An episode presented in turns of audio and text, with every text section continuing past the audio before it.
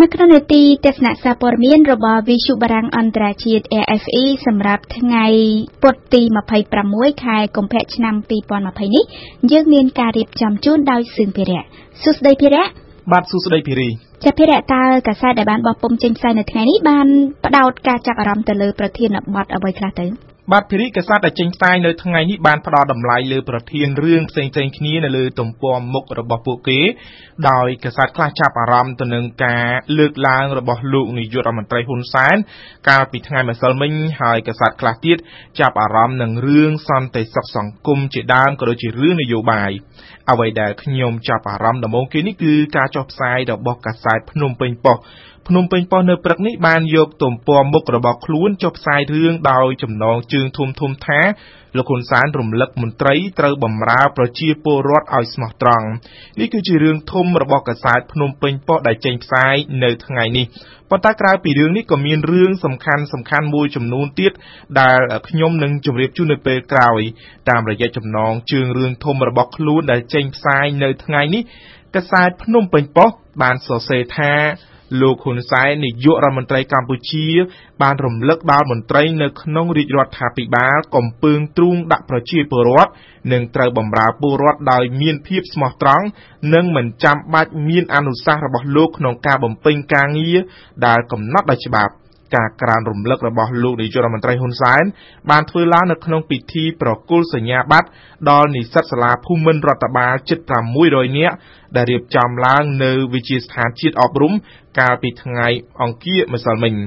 យើងឃើញថារឿងនេះក៏ត្រូវបានចុះផ្សាយនៅលើទំព័រមុខរបស់កាសែតផ្សេងទៀតដែរដែលចេញផ្សាយនៅថ្ងៃនេះតួយ៉ាងដូចជាកាសែតរស្មីកម្ពុជានៅព្រឹកនេះបានយករឿងនេះមកចុះផ្សាយនៅលើទំព័រមុខរបស់ខ្លួន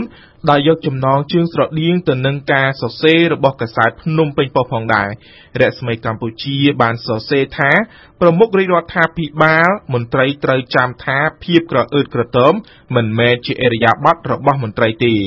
រស្មីកម្ពុជាតាមរយៈរឿងនេះបានដកស្រង់ការលើកឡើងរបស់លោកនាយករដ្ឋមន្ត្រីហ៊ុនសែនកាលពីថ្ងៃម្សិលមិញថា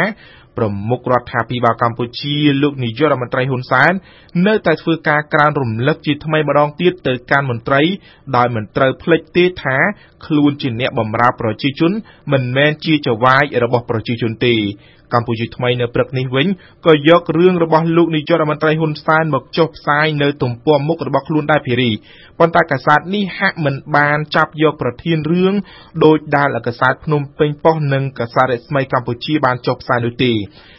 កម្ពុជាថ្មីបានចាប់អារម្មណ៍ទៅលើរឿងផ្សេងធ្វើជាចំណងជើងរបស់ខ្លួន កម្ពុជាថ្មីបានដាក់ចំណងជើងធំធំថាសម្ដេចតេជោនាយករដ្ឋមន្ត្រីធ្វើការព្យាករកំណើនសេដ្ឋកិច្ចកម្ពុជា ក្នុងរង្វង់6%នៅឆ្នាំនេះ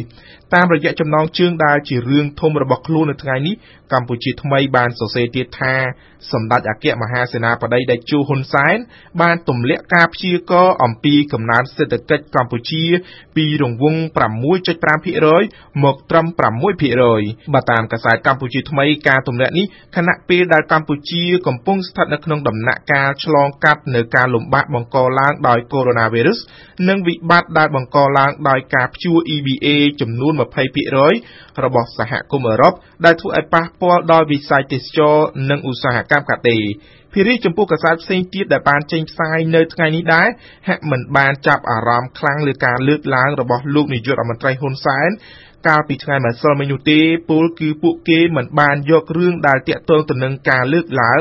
របស់លោកនាយករដ្ឋមន្ត្រីហ៊ុនសែននឹងមកចុះផ្សាយនៅលើទំព័រមុខដោយកាសែតទាំង3ដែលខ្ញុំបានរៀបរាប់អំបញ្ញមិញនេះទេបាទ តកតងទៅនឹងរឿងកូវីដ -19 ឬក៏រឿងនយោបាយវិញភារៈថាតើកាសែតទាំងនោះបានផ្ដល់តម្លៃយ៉ាងណាដែរភារៈជាការពិតនៅតែមានកាសែតមួយចំនួនចាប់អារម្មណ៍ទៅនឹងមេរោគកូវីដ -19 និងរឿងនយោបាយបើទោះបីជារឿងនេះមិនត្រូវបានចុះផ្សាយនៅក្នុងទំព័រមុខរបស់កាសែតដែលចេញផ្សាយនៅថ្ងៃនេះក្តី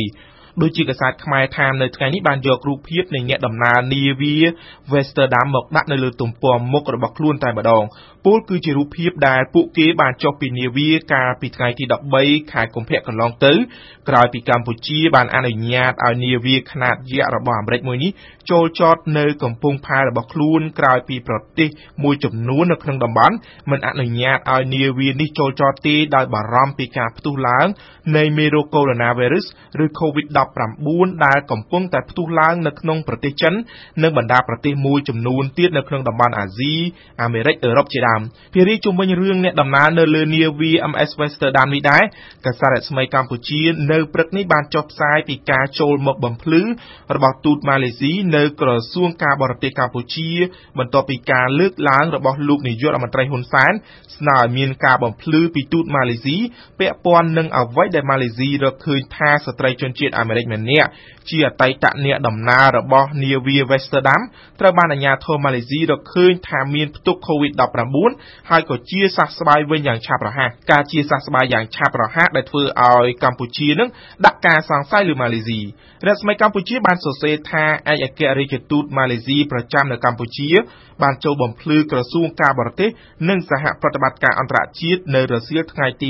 25ខែកុម្ភៈម្សិលមិញនៅទីស្តីការក្រសួងការបរទេសប៉ុន្តែបើតាមកាសែតរស្មីកម្ពុជាដដែលការចូលបំភ្លឺរបស់ឯកអគ្គរដ្ឋទូតម៉ាឡេស៊ីមិនត្រូវបានអ្នកនាំពាក្យក្រសួងការបរទេសនឹងធ្វើការអត្ថាធិប្បាយលម្អិតឡើយ